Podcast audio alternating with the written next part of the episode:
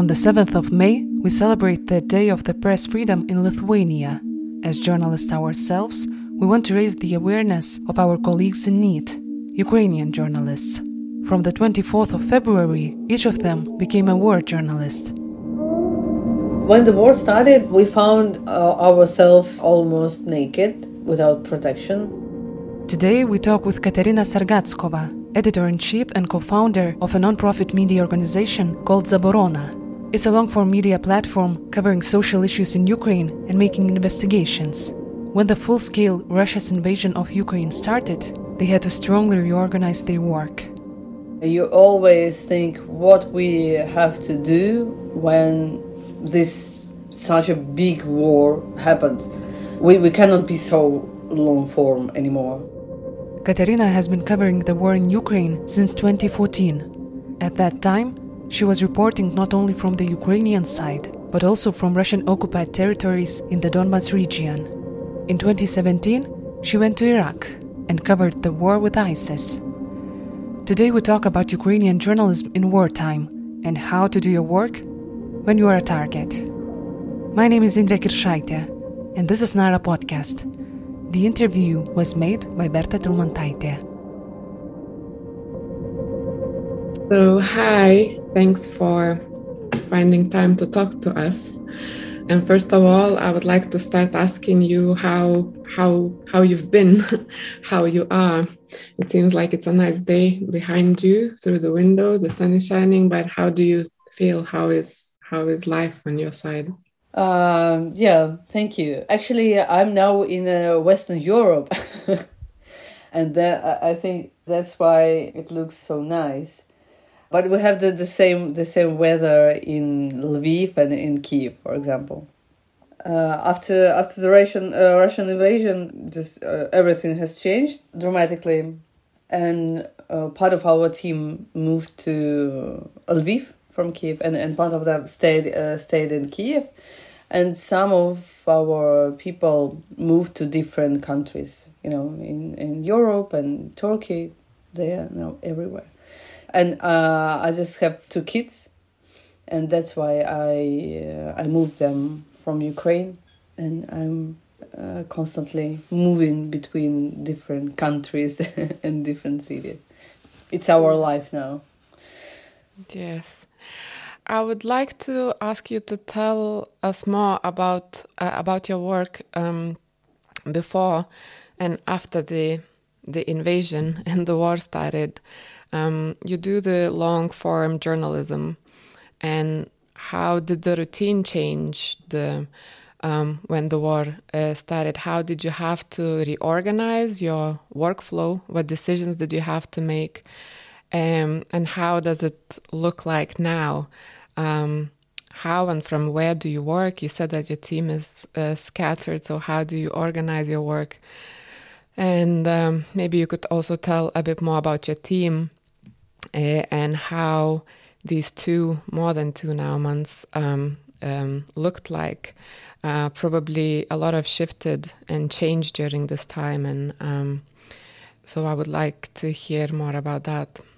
Uh, yeah, when when it comes to long term uh, journalism, uh, you always think what we have to do when this such a big war happens.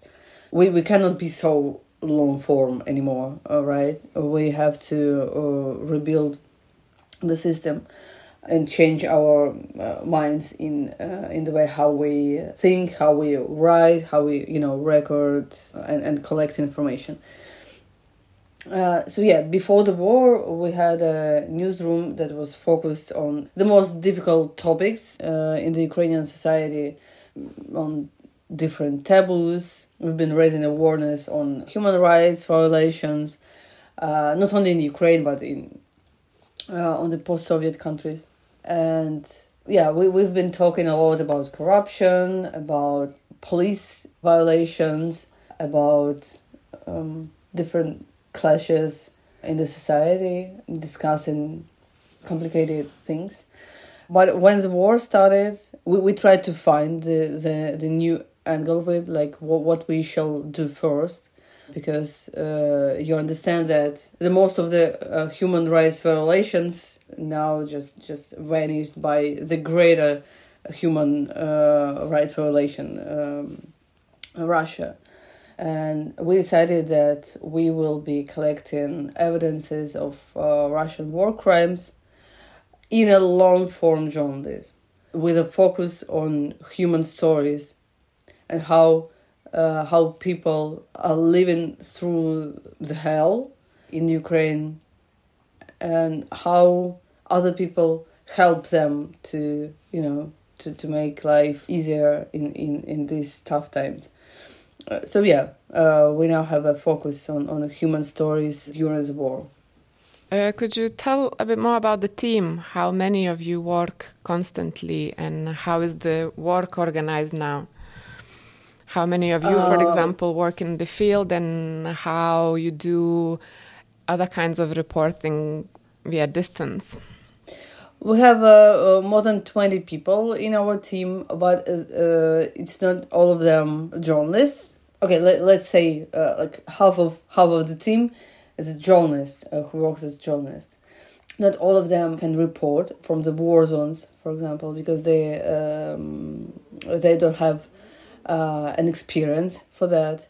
We are very careful with working in the war zones because it's um, this war its aim is to eliminate Ukraine and, and, and people. It's very dangerous to work in, in those parts of Ukraine that are now on, uh, on bombings, for example, in Donbass or Kharkiv.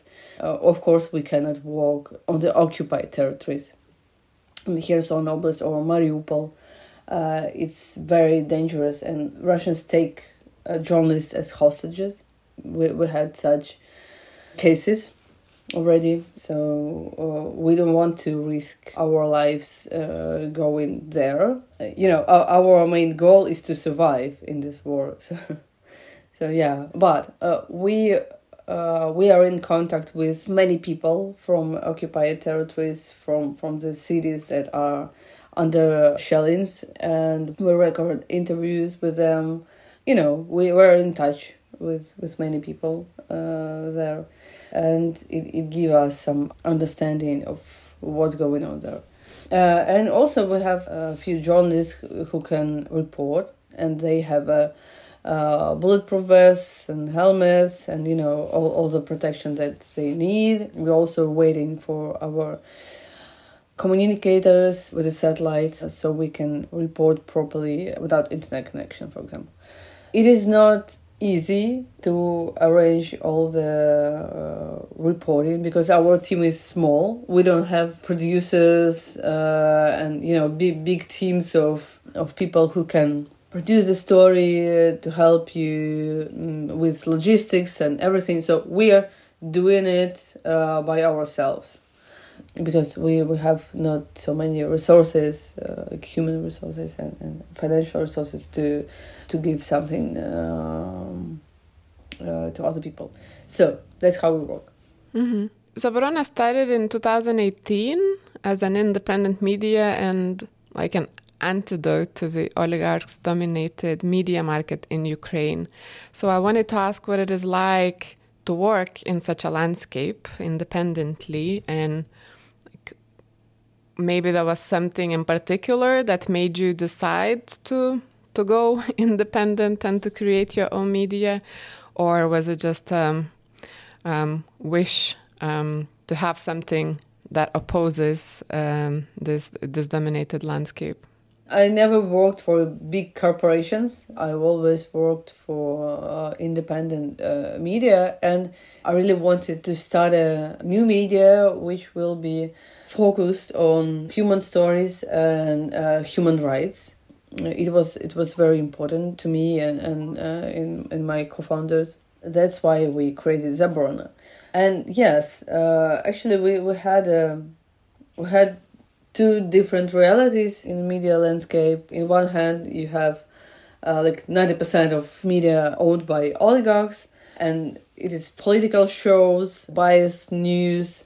So you can see who support whom in the system uh, and how it connected with the parliament parties and how they play with each other, how you know all this stuff. So it was more about political games than about journalism. It is not propaganda, but it's uh, very close. So ninety percent of media landscape uh, is a oligarch groups. And this tiny 10 or less percent was a independent media or media uh, that owned by small business groups or, you know, not, not so big corporations.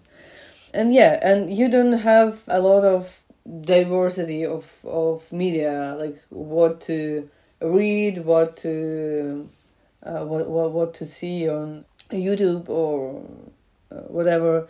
And and we wanted to to to bring something to bring something new to to ukrainian uh, media landscape. So we started Zaborona and it was well received. It was more than 4 years ago.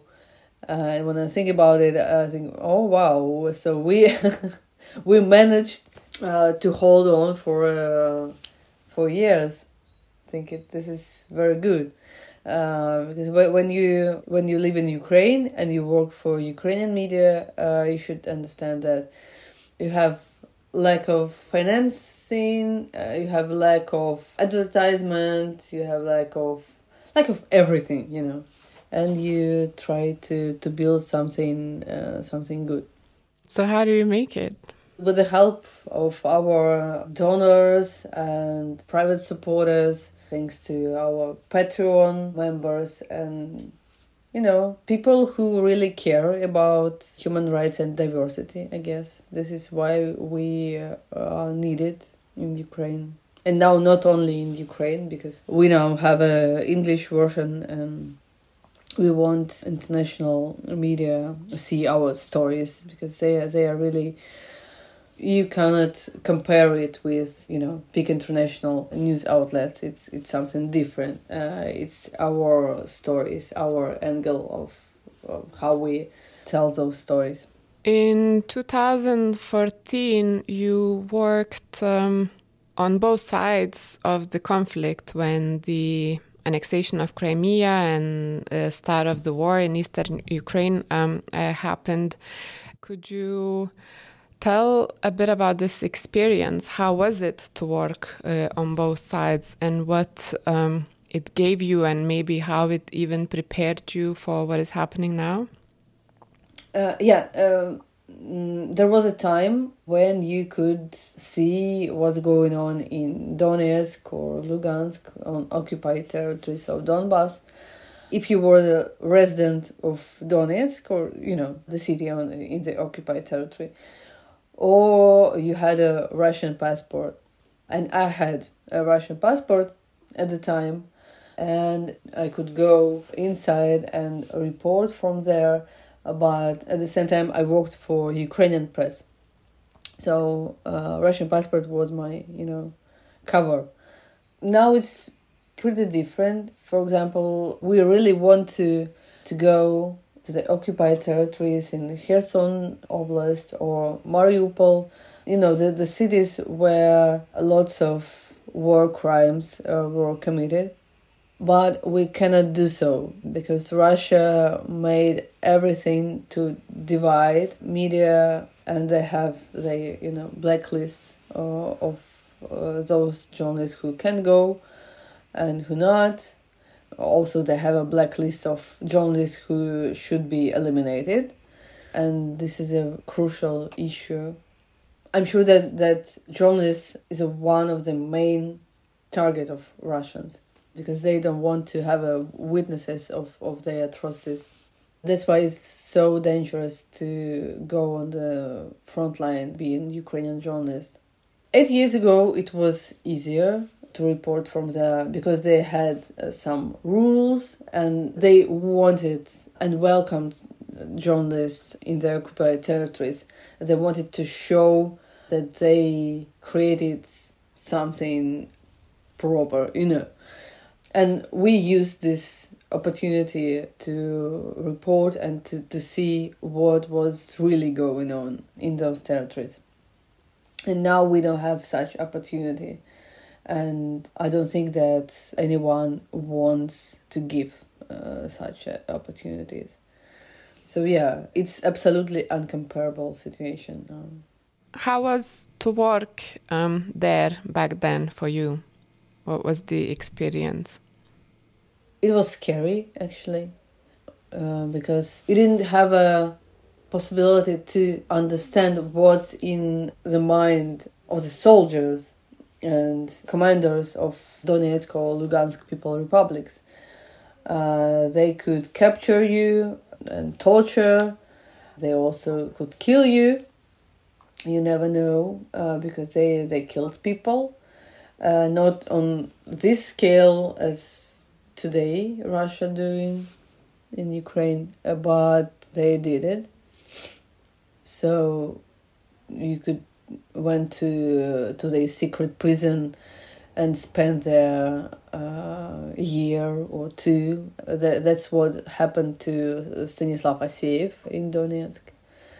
He was just a journalist of Radio Freedom, and, and he spent more than two years there. So it was pretty wild and it was risky, but I had my intention to report and to record everything that, that is going on there. For example, I've been to crime scene of MH17 uh, airplane. I filmed there. I, I've been working there for uh, three days or maybe more. And it was important to be there on the ground and to to see those people from Donetsk People Republic, how they behave, what they uh, like, how they discuss this event, and everything.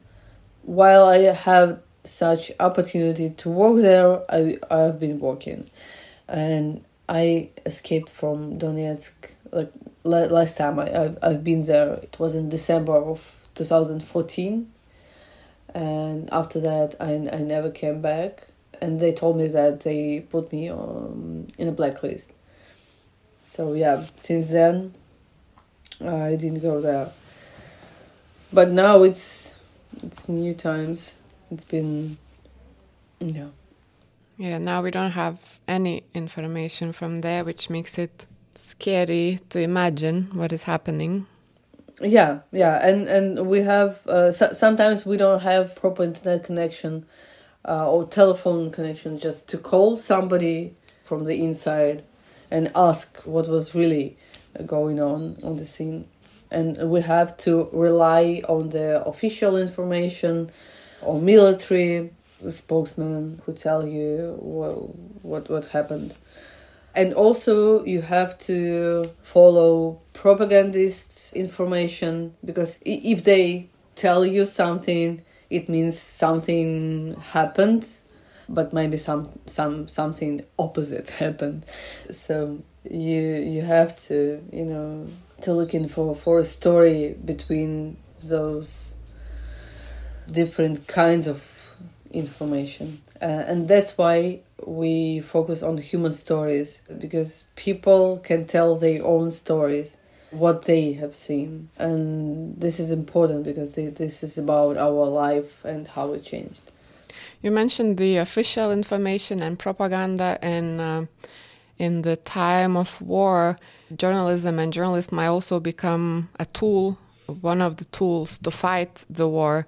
So as you said it's like you never know if the what propaganda says is true. Maybe it's the opposite then also the official information might not be true because it's also question of security and question of uh, strategy what to say and what not to say. And uh, of course there's a lot of information that we don't know or maybe there is some information that is not exactly what it says. So how you being in the country where the war is happening and getting this in official information as a journalist um, uh, feel in this situation? Did your approach to work changed, or did your approach to this information and what to do with it changed? Because maybe these personal stories that you mentioned might not align with the information that you get, and how do you deal with that uh, then? Uh, well, we have our uh, standard, editorial standards, uh, and we have to find different sources of information and it will have only one, uh, and it looks like it is too much, right? Uh, that it, it looks like it could be a fake, even if it goes from official source. We'll better wait for some time and see what will be um, uh, if if there will be more information on that topic, or we can try to to find uh, another source who can you know say that if if if this makes sense. And uh, I I can say that there are a lot of cases happening with the information, but we have our uh, our main focus on, on human stories, and it really helps uh, because we don't need to go for a blowing your mind news, you know, and and looking for a sensation. The opposite. We we try to to find a human scale of uh, of the war and give voices to to different uh, people who just live in the country under the war. Uh, yesterday, you published this uh, story, um, the story of one basement in Mariupol, how neighbors helped each other to survive in unbearable conditions. Could you tell about how did you manage to um, to prepare the story? How did you find the people to talk to, and how did uh, the whole process went? I've been to Mariupol uh, many times. I really love this city uh, because it it was wonderful city on the Azov Sea, which was so different from Donetsk or, or other cities in this region. The first time I, I've been there, it was in 2014 uh, when fighters from Donetsk People Republic, Russian proxies, uh, tried to to take Mariupol under their control, but they didn't manage to do so. I was traveling to Mariupol one or two times a year, and I made some friendships, uh, and I had some contacts in the city. So when it all happened to Mariupol, I didn't have to to look at the map where something went wrong uh, because I will I already know uh, the main locations of the city and I know some people. Uh, that, that's how I found my characters, my contacts that decided to openly tell uh, their stories. So you did it uh, on the phone, call them. Yes, yes. Well, and it works I mean, when you when you know landscape of the of the city where something is going on, and you know the vibe of it, you can tell pretty different story, even if you do not go there because you just you know you you've been there so many times. You know, Ukraine is a very big country, one of the biggest countries in in Europe. And when I created Zaborona I really wanted to make stories from different regions of Ukraine because uh, uh Ukrainian media so Kiev centric, and I love so many different cities in Ukraine. For example, Kharkiv is awesome. It's it's great city. Uh, Odessa, Mariupol, Uzhgorod, Lviv. I mean, hundreds of great cities that have their own vibe and, and you know this spirit and as a journalist i feel that i have to speak more about uh, th- those locations and those people who are not in the mainstream. This this tells a lot about zaborona actually. Hmm. and how is it with the people that you want to interview? Is it um easy to uh, to find people who want to talk because for example in Lithuania where we also um, do stories about Ukraine and about people who come here sometimes uh, people are afraid to talk uh, because their relatives are still in Ukraine and they fear that something might happen to us if if they share their experience. How is it uh, for you? Sometimes people uh, do, do not want to to name themselves. They just wanted to, to go anonymous. And I I understand them because if something bad happened to them, it is not very sometimes very easy to, to talk about it openly. But most of our contacts they are pretty open for telling their stories. I don't know. I mean, I, I don't know why why people who escaped Ukraine uh, just afraid of uh, of talking. Um, maybe uh, their relatives are in occupation. Yeah, uh, and you know it's different. It's different because you you always count like, uh, what what risks do you have, and if your risk of of damaging someone's life is higher than you you know you just you just can cut this story and make it later or because human lives are matters and and we uh, and we should deal with it. In this text yesterday um, there was a sentence that no one expected that russia might launch a full-scale invasion of ukraine and use a full arsenal of weapons from cluster bombs banned by the geneva convention to airstrikes and chemical weapons. Did people or you in in particular really didn't expect didn't see it coming or working in those occupied territories in 2014 for example made you think that that this is not over and that something might happen? Like what was your personal was it a sur still surprising and strange that it happened or it was kind of predictable you know, um, for for two months before the invasion, everybody was discussing will Russia invade Ukraine or not. And everybody was like, no, no, this is not going to happen. Mm, they're not so crazy to do. So everybody, uh, I, I think, expected a new escalation in Donbass and they were ready to, to fight back.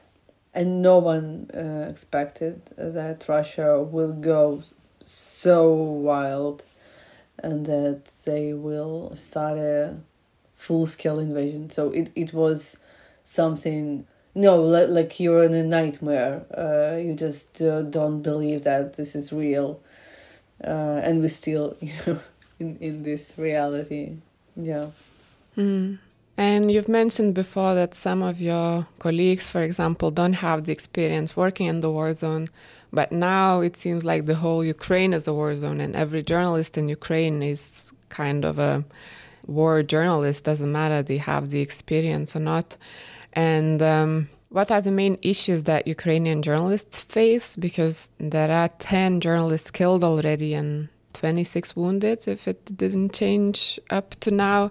And you started and you ran the Journalism Emergency Fund to raise funds and to, to help um, journalists working in the war zone. So, could you tell a bit more about the, the main issues? Um, you said a bit about the lack of experience and lack of, for example, basic things that journalists working in the war zone needs, as a helmet and and and the uh, the vest, uh, the protective vest. But um, what else? What's uh, lacking, and what are you trying to do with this fund that you uh, that you run? When the war started, we found uh, ourselves uh, almost naked, without protection. I mean, we had uh, some protection kits in uh, in our office because we used to go to Donbass and report from the war zones. But most of the Ukrainian journalists uh, didn't have uh, the protection and they didn't imagine even how to react uh, on the military events. H- how would you know what incoming is? You know how to uh, know the the difference of sounds of explosion. Uh, this all matters for, for your reporting and we started to uh, to collect fundings to uh, to buy uh, protection kits for uh, for journalists, and it was a big challenge because the whole country needed it. So thousands of people, like not not hundreds of thousands of uh, people in the army and territorial defense. They all needed protection kits. So it took months before we uh, we managed to, to get bulletproof vests and, and helmets and we found some uh, a local factory that uh, helped us with uh, with the vests so yeah we managed to do so and uh, finally we equipped more than 100 journalists uh, and now we're planning to to equip more, more than 50 journalists. So uh, we, we still have a, a lack of protection kits but it is better than uh, it was in the first stage. Uh, and now we are focused on uh, risk assessment and, and medicine how to help injured people if if something happened while you were reporting. So our challenge is uh, has changed a bit, but the, the, the challenge is still is still big.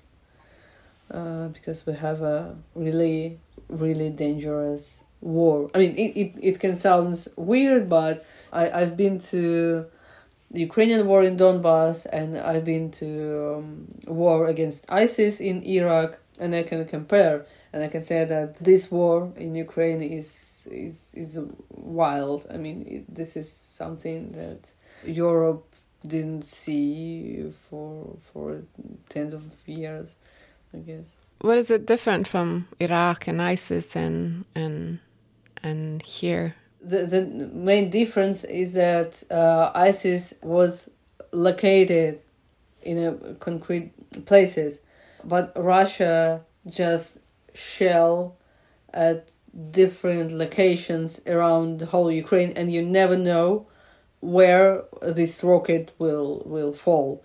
And it could be a residential house, it could be a railway station, it could be you know anything, uh, and they just destroying civilian infrastructure uh, not military infrastructure at all that, that they try to you know to build this um, narrative. They try to kill civilians um, and journalists uh, as well. So yeah. Uh, and also we have some provocateurs and Russians who are undercover um, in the place that you will never expect. So yeah, this is this is a big difference. And you said that you equipped already around 100 journalists. Where those journalists are from? Where they, uh, what media outlets they working? Um, do you focus on something in particular? Our main focus in um, um, in helping journalists uh, is to help Ukrainian journalists and fixers and producers in the regions more, mostly in the regions that are under bombings and under the threat. It's Mykolaiv Oblast, Odessa, uh, Kharkiv, Donbass, Kiev sometimes, uh, but mostly on the south and, and east. It's more dangerous than than other regions. What about the psychological side of the of of the work? Because even only working in the war zone, which is far away from your home, takes a toll on your um, uh, psychological health.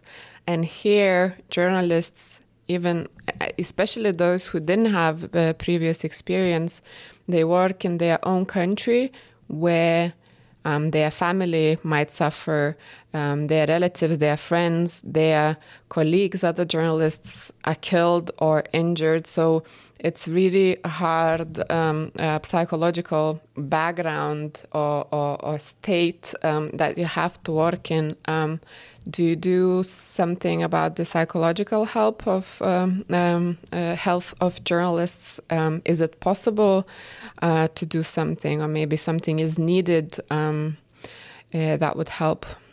Uh, well, my answer is I don't know the whole country and every citizen, uh, I guess, suffering from from the psychological um, uh, issues because of the war, and we have to to deal with it. I mean, we're journalists and we have to be strong.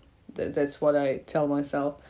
Uh, have to be stronger than people about whom we're uh, reporting because they they they they went through hell and we need to to to tell about that.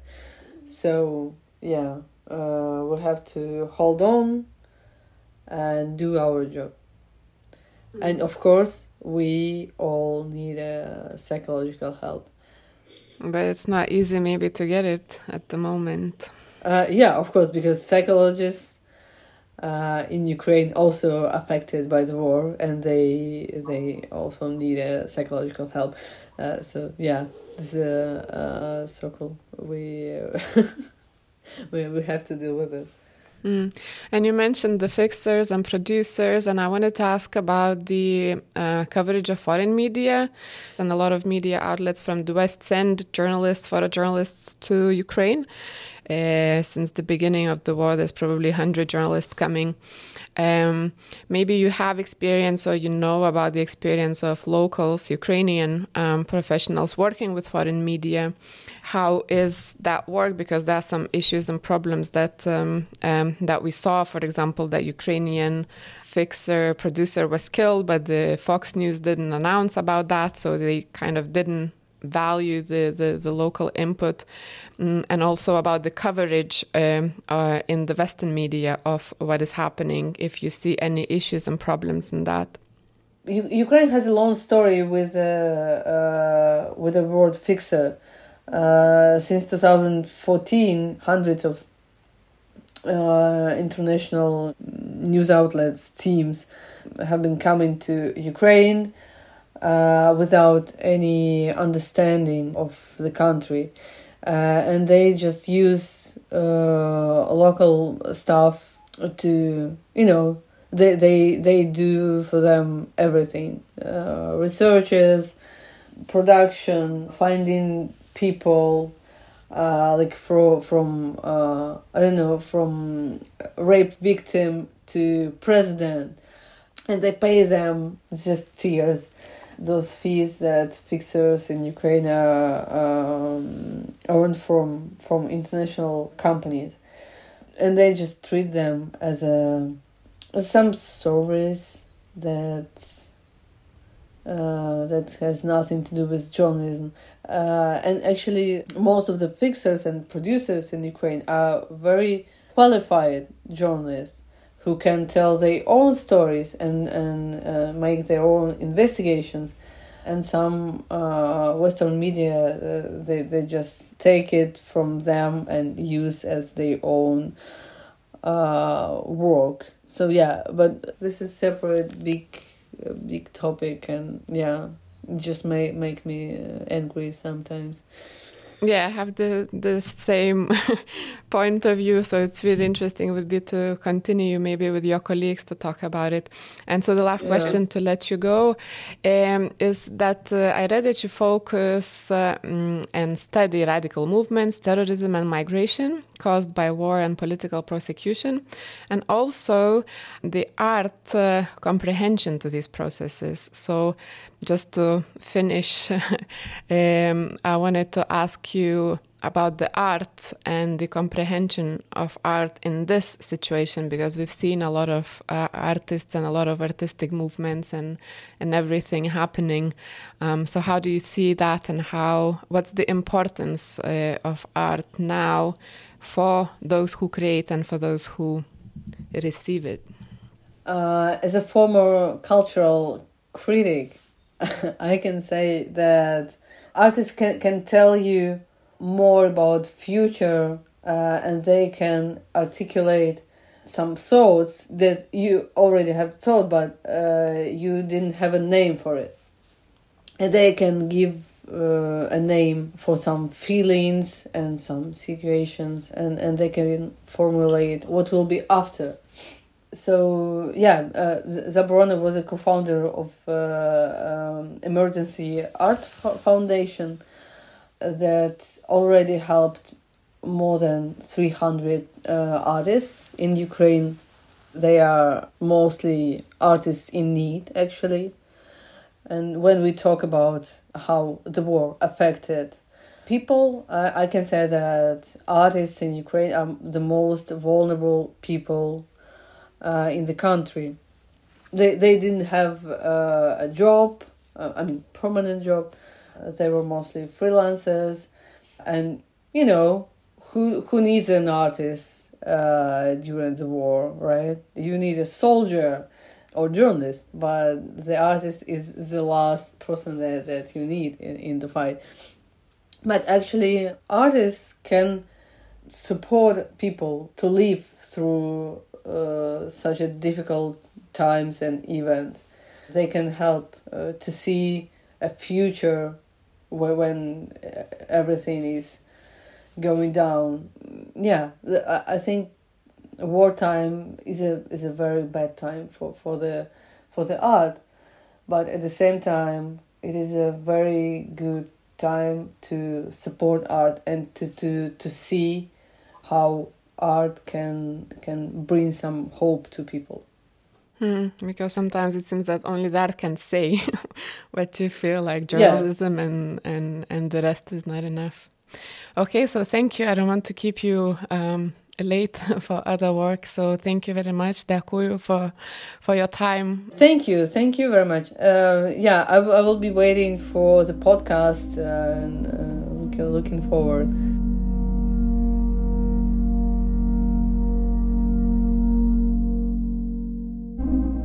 Thank you for listening to Nara podcast. You can help to equip Ukrainian journalists with bulletproof vests and helmets at the website 2402.org. This fundraising campaign was created by the Zaborona team. You can support Zaborona journalists on Patreon and Nara on Contribee and Steady platforms. All the links you can find in the description of the episode. The interview was made by Berta Tilmantaite and edited by me, Indra Kiršaitė. The music was composed by Martinas Gailius. See you next time.